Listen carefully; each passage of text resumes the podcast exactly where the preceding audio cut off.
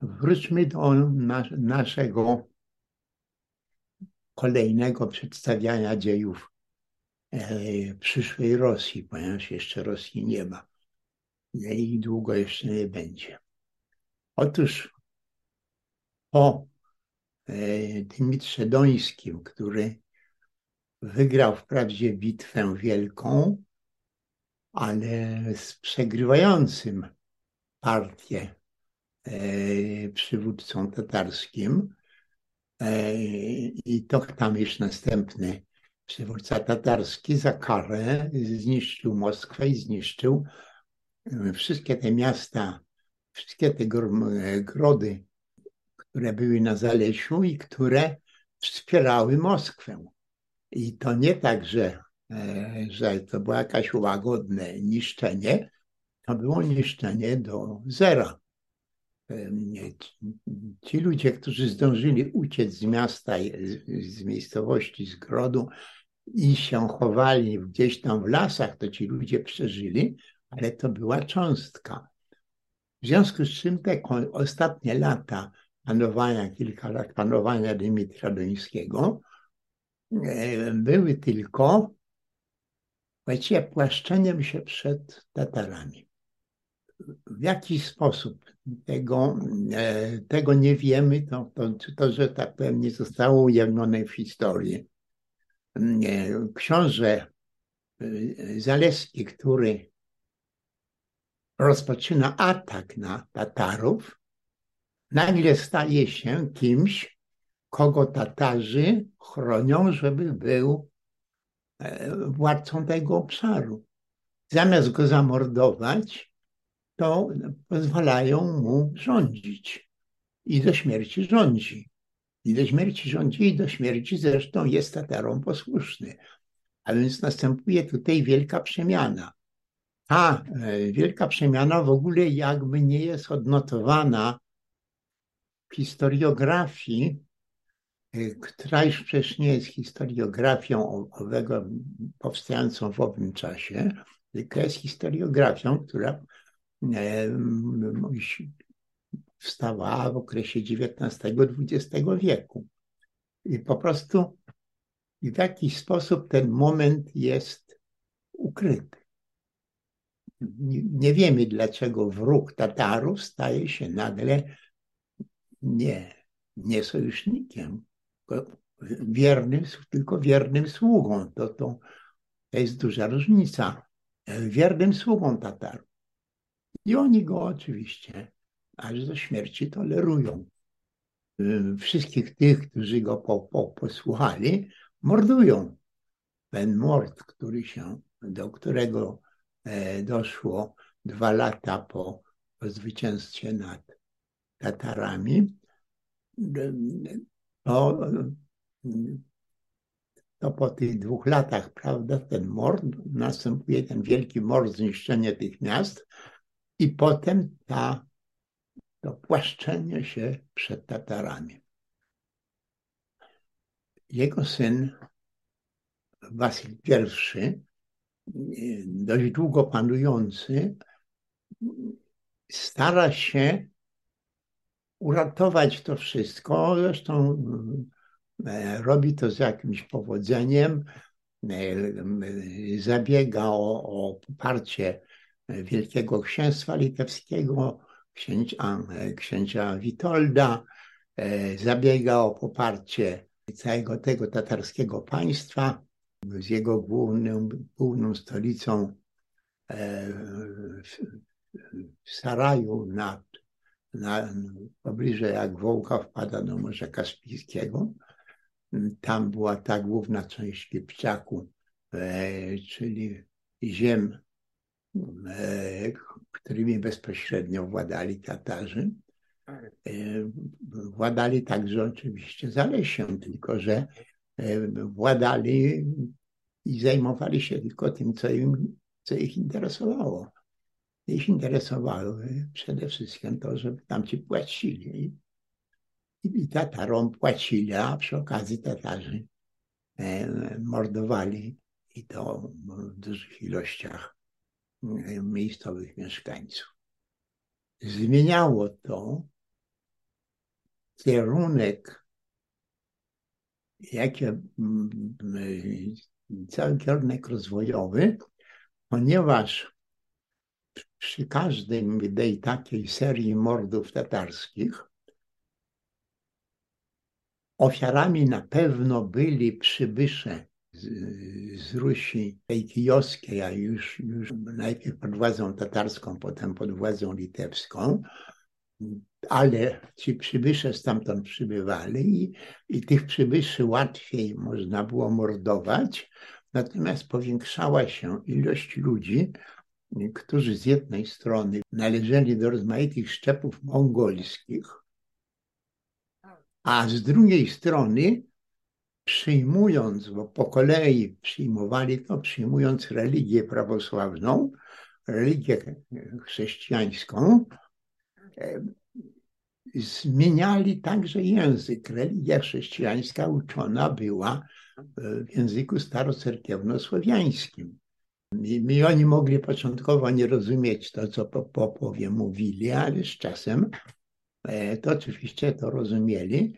Ta ludność o, etnicznie coraz, coraz bardziej tatarska była równocześnie e, ludnością, która e, mówiła językiem słowiańskim. Nie był to czysty, czysty język słowiański, był to język słowiański o ogromnych nale, naleciałościach azjatyckich i to całych azjatyckich, poczynając od Chin. No, takie słowa jak dięgi czy coś, to przecież one przyszły z Chin, a niektóre inne przyszły, e, przyszły tylko ze Złotej Ordy różne, różne było to pochodzenie, ale za każdym razem było to azjatyckie. A więc e, Azjaci, którzy mówią słowiańskim, zepsutym przez rozmaite e, języki azjatyckie, nie formowali właściwie żadnej własnej grupy oddzielnej. E, te poszczególne księstwa, które ilość rosła E, systematycznie. To ogólne księstwa były księstwami, gdzie, które się różniły osobami władców, ale które nie wytwarzały społecz, na przykład społeczeństwa, jednolitego społeczeństwa Zalesia, przyszłej, przyszłej Rusi Moskiewskiej. Ta, ta przyszła Ruś Moskiewska nie, tam, nie uzyskiwała jakiegoś własnego charakteru etnicznego, tylko władcy, tylko byli poddani władców, władcy byli z dy, dyskusji Rurkowiczów, a i władcy podlegali, w mniejszym czy większym stopniu podlegali e, wielkiemu Hanowi tatarskiemu. To, to było tego rodzaju państwo. I teraz w końcowej fazie e, e, zaczęły następować na tym obszarze dość istotne zmiany jeszcze z bardzo prostej przyczyny. Jeśli plemiona tatarskie działające w Kipczaku, znaczy w tym obszarze między Morzem Kaspijskim a Donem, jeżeli one do połowy XIV wieku były rządzone silną bardzo ręką, e, były w ogóle, w ogóle bardzo, bardzo władcze, bardzo silne, to po tej czarnej śmierci, która nastąpiła w połowie XIV e, wieku, e, Tatarzy nie odzyskiwali tej pierwotnej siły. E, podzieleni byli na grupy, zwalczali sami siebie i tak dalej. E, owszem, bardzo chętnie rabowali także Zalesie, ale nie było już, nie była to, nie była to już taka absolutnie despotyczna władza.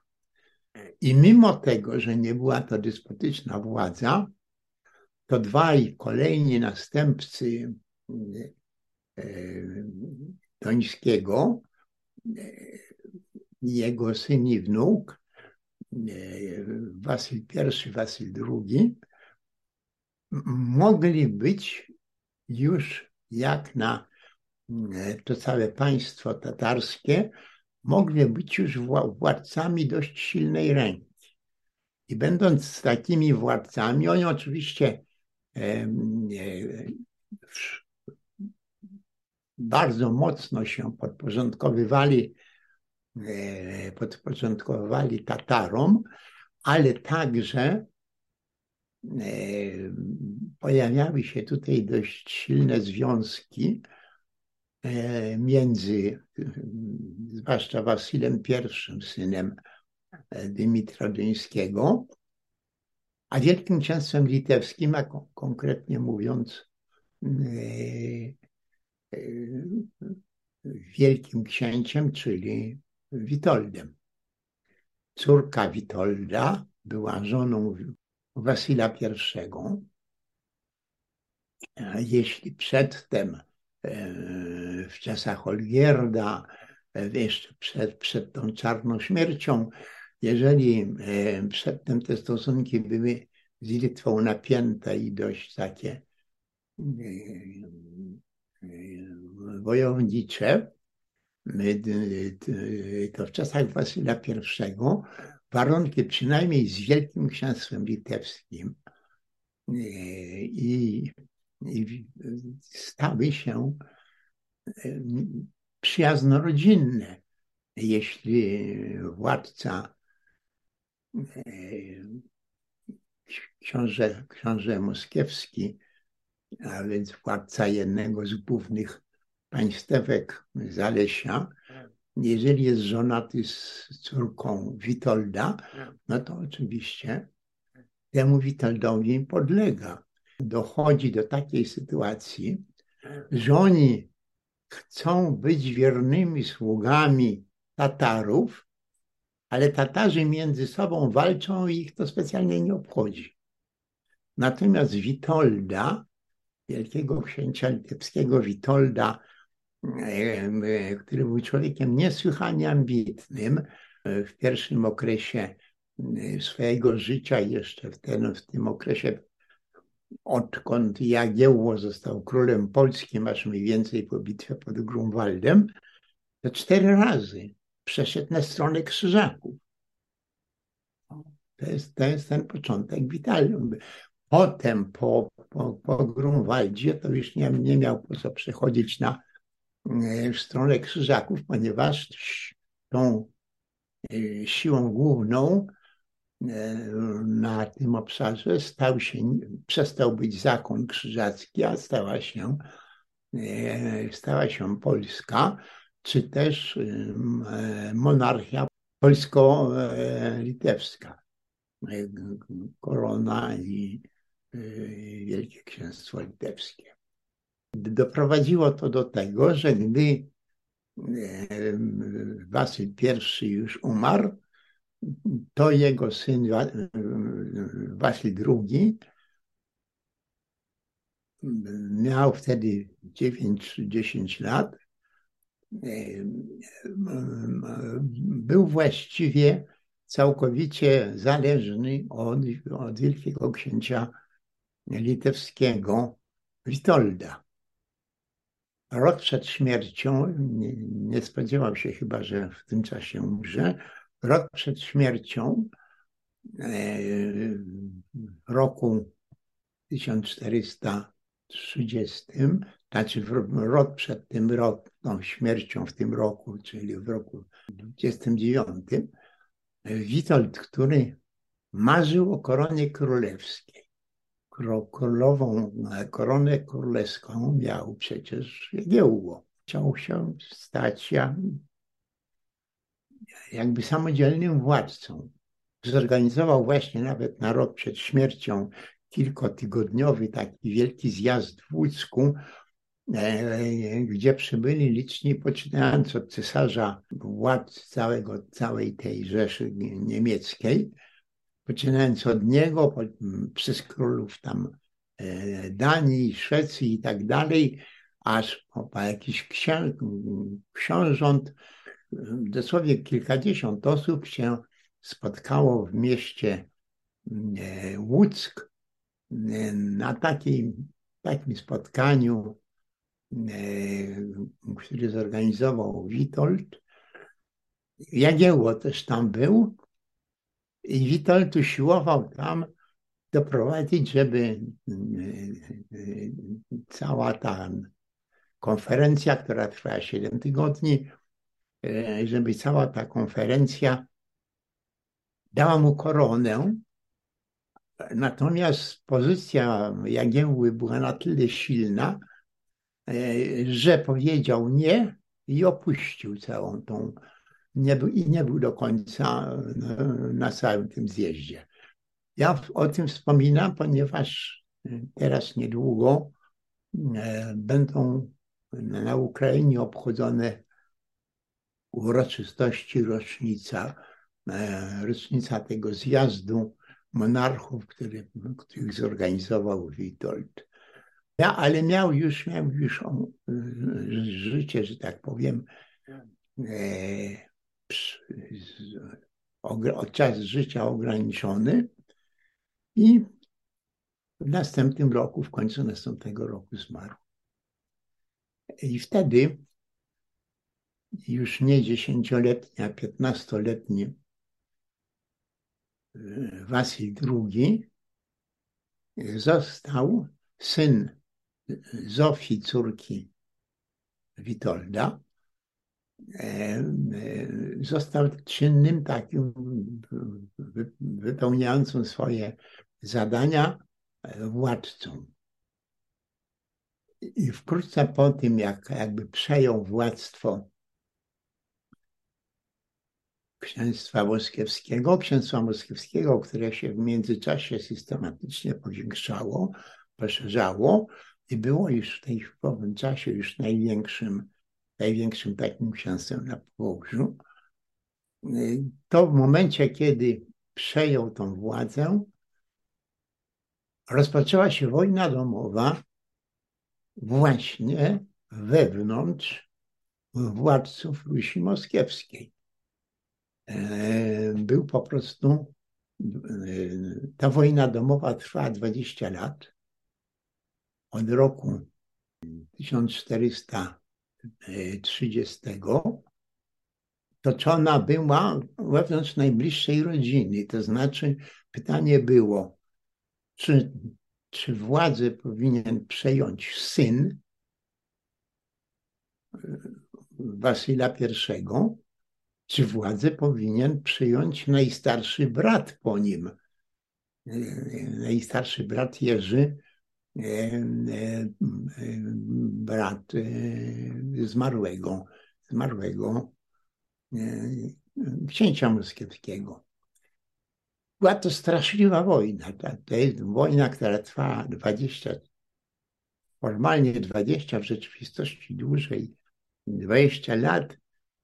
Była wojną straszliwą, na tyle straszliwą, że nie tylko jacyś współcześni mnichowie, którzy tam zapisywali jakieś kroniki, ale także późniejsi historycy, i to grubo późniejsi historycy, wzdrygali się, żeby opisywać tortury, które stosowano w stosunku do wrogów. Ci wrogowie to najbliższa rodzina. Tylko ta najbliższa rodzina ciągle zmieniała układy. Popierano własnego ojca, ale ponieważ się nie podobał, to przeciwko niemu występowano tego typu historia. I najlepszym przykładem było, że e, książę, e, książę Wasyl, ale e, syn Jerzego, czyli stryjeczny wnuk e, Wasyla I, książę Wasyl został oślepiony przez władcę na polecenie e, rzeczywistego władcy, czyli Wasyla II, ale związani z tym e, Wasylem, który został oślepiony, dorwali przy, y, szefa tego przeciwnika Wasyla II i też oślepili Wasyla II. Dwóch przywódców walczących frakcji zostało, dostając się we wrogie ręce, ale te wrogie ręce to były e, rodzinne. To wszystko się toczy w granicach rodziny, która oczywiście korzysta z jakiegoś poparcia i tak dalej i ma, ma, że tak powiem, własne siły zbrojne, ale to się ciągle zmienia, to obydwaj e, tracą, e, tracą wzrok. I trwa to, e, trwa to, to 20 lat i po 20 latach cała ta rodzina rządząca Moskwą i walcząca o Moskwę, cała rodzina tak dokładnie się wymordowała, e, że Wasyl II może zostać tym władcą, który już do końca będzie rządził. I rządzi, ale rządzi już inaczej niż jego poprzednicy. Wprowadza tutaj, wprowadza tutaj zwłaszcza dwie zmiany, dwie zasadnicze zmiany. Pierwsza, pierwsza z tych zasadniczych zmian dotyczy Tatarów. Wasyl II ściąga na Ruś Moskiewską, na, na, na to, do, do, tego wielkiego księstwa moskiewskiego jednego z książąt przecież Zalesia, e, ściąga masowo Tatarów i nawet traktuje ich jak bojarów e, zaleskich, nadaje im jakieś włości i tak dalej, ale nawet doprowadza do tego, że sam będąc lennikiem Tatarów, staje się władcą lennym Tatara, który jedno, e, jedna z takich e, podległych, jedno z takich podległych e, II terenów staje się nie państwem zaleskim, tylko tatarskim. W związku z czym późniejsi, znacznie późniejsi historycy twierdzą, że już wtedy e, e, Zalesie stało się niezależne od Tatarów. Jest to oczywiście nieprawda. E, to, że Wasyl II miał, ściągał dużą ilość Tatarów, to no, to tylko dlatego, że mógł Tatarom lepiej wierzyć niż swoim krewniakom. Y, swoi krewniacy mogli się zawsze zbuntować, napaść go, zamordować, oślepić, y, poddać torturom. To jest rodzinna, że tak powiem, rodzinna zabawa. A y, jak brali Tatarów, to ci Tatarzy się słuchali, poddawali. Czy, czy, czy dostawali jakąś pozycję bojarską, czy, dostać, czy tak jak jeden z nich, prawda, stał się bezpośrednim lennikiem, e, e, to oni po prostu byli posłuszni. To była taka, pierwszy taki proces, który w drugiej części swojego panowania zastosował Wasyl II. Równocześnie zmienił cerkiew która była na Zalesiu. Ona była od początku różna, różniła się. Była to oczywiście cerkiew prawosławna, ale od tej, e, tej cerkwi, która była na ziemiach e, Rusi e, kijowskiej, późniejszej, prawda, Białorusi, Ukrainy, to ona się tam jakimiś fragmentami e, różniła, ale nie różniła się w sposób jakiś zasadniczy. Natomiast ledwo dyszało Bizancjum, Cesarstwo Bizantyjskie ledwo dyszało i zresztą się e, wkrótce zostało zagarnięte przez e, Osmanów. Żeby ratować to, to Bizancjum, zabiegało ono o wsparcie papieży rzymskich i papieże rzymscy chętnie im to udzielali, niezależnie od tego, że była przecież różnica w tych religiach. Jedni byli rzymscy katolicy, drudzy byli e, greccy prawosławni. Doprowadzono do tak zwanej Unii, która jakby tworzyła jednolitą religię, łączyła religię prawosławną e, z religią katolicką. Przestali się różnić e, dogmatami, zaczęli się różnić tylko e, sposobami wyrażania wiary. Ta unia została przeniesiona na, na wschód przede wszystkim przeniesiona została do Bizancjum. Zresztą w Bizancjum przez miejscowych, miejscowych miejscowe duchowieństwo została bardzo źle odebrana, ale e, władca jeszcze działał, ale została także przerzucona, przerzucona na wschód i wtedy wschód się zbuntował. Zarówno część, e, która była w Wielkim Księstwie Litewskim, część prawosławnych, jak część, która była na Zalesiu. Część, która była na Zalesiu, przede wszystkim papież rzymski e, wysłał tam swojego e, wysłannika, którego ani, ani w Wilnie, ani w Moskwie nie chcieli uznać. W Moskwie go w ogóle wsadzili do więzienia on szczęśliwie uciekł stamtąd jakoś, za czym go zdążyli zamordować. Zresztą dość długo żył. Potem z Wilna go wygoniono. Stworzyły się, do czego Rosjanie się nie bardzo chcą przyznać. Dzisiejsi Rosjanie, czy XIX-wieczni Rosjanie, nie chcą się przyznać, stworzono dwie religie prawosławne.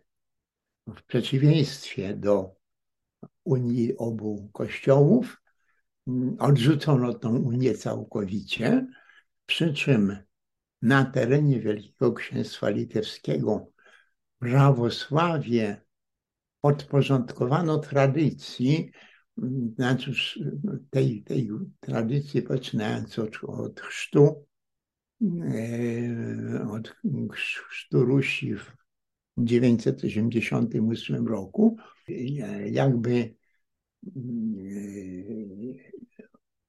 przywracając niektórym elementom e, wagę, którą miały, było to prawosławie typu europejskiego. Takie prawosławie, które było reliktem, pozostałością po, e, po Bizancjum. W międzyczasie zresztą e, Bizancjum zostało w 453 roku zostało zdobyte przez Osmanów, których błędnie nazywamy Turkami. Turkowie byli tylko jedną z grup etnicznych, które tam działały. Państwo było osmańskie. E, I oni jakby przejęli, przejęli tą tradycję, ale tę tradycję przyjęli na sposób europejski.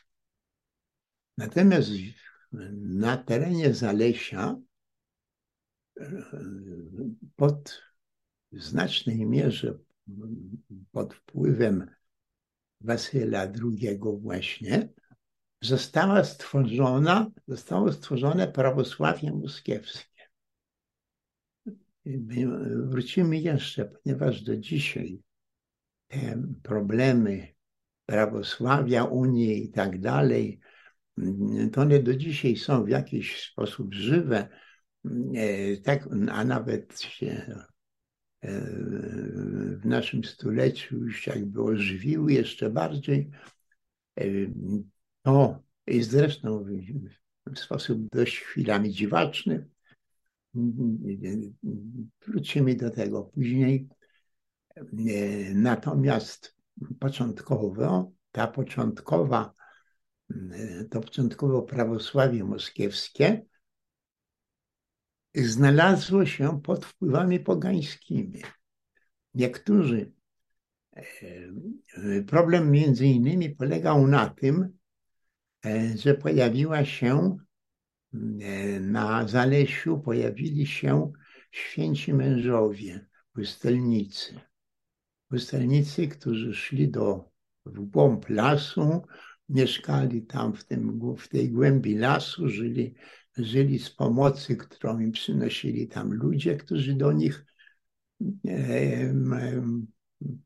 wierzący, wierni im, prawda, przybywali i połowa, co najmniej połowa e, tych nie, była niepiśmienna.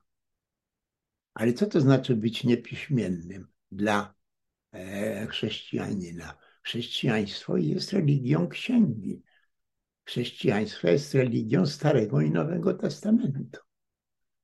Ten Nowy Testament oczywiście jest e, bardziej wyniesiony w tej chwili, ale e, także katolicyzm, ale i prawosławie, ale wróćmy do katolicyzmu, e, sięga do Starego Testamentu nie tak jak środowiska żydowskie, które traktują je prawie w całości. Natomiast no, chociażby odnosząc się do, do patriarchów, ta, te związki są żywe. Występują po prostu. Natomiast na Zalesiu, jak zaczęło się tworzyć to prawosławie rosyjskie za czasów e, Wasyla II, to ono po prostu oparte było w znacznej mierze na osobach niepiśmiennych, które tłumaczyły zasady wiary. Otóż nie bardzo sobie możemy wyobrazić, jak ktoś, kto nie umiał czytać, i nie znał tej wiary, gromadził koło siebie ludzi i opowiadał im, jaka jest wiara prawosławna. Po prostu tego rodzaju zjawisko wystąpiło. I teraz w tym zjawisku oczywiście, chociaż e, prawosławie się do tego nie chce przyznać, prawosławie rosyjskie nie chce się do tego przyznać, e, weszły bardzo silnie nawet elementy pogańskie. Zwłaszcza w momencie, kiedy odrzucili tą unię między chrześcijaństwem e, zachodnim i wschodnim, kiedy tą unię e, zupełnie odrzucili na Zalesiu, to e, w tym czasie tworzono samodzielną, samodzielną religię, inną już też prawosławną, ale inną niż, niż była w Wielkim Księstwie Litewskim. W Wielkim Księstwie Litewskim e, ziemie etnicznie litewskie były katolickie, a ziemie e, etnicznie ruskie e, były właśnie prawosławne. Te ziemie prawosławne to było no, ponad dwie trzecie, ponad dwie trzecie całej całego Wielkiego Księstwa Litewskiego. Przez Unię z Polską ono się siłą rzeczy zbliżało do katolicyzmu. Zresztą y, będziemy o tym mówić później.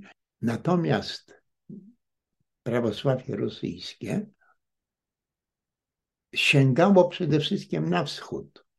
I sięgając na wschód, wprowadzało do, do siebie elementy wierzeń tatarskich, elementy wierzeń mongolskich, różnych i tak dalej, elementy e, jakichś świętych mężów, którzy w głębi puszczy uczą, e, w głębi uczą wiernych, a tak uczą jak potrafią.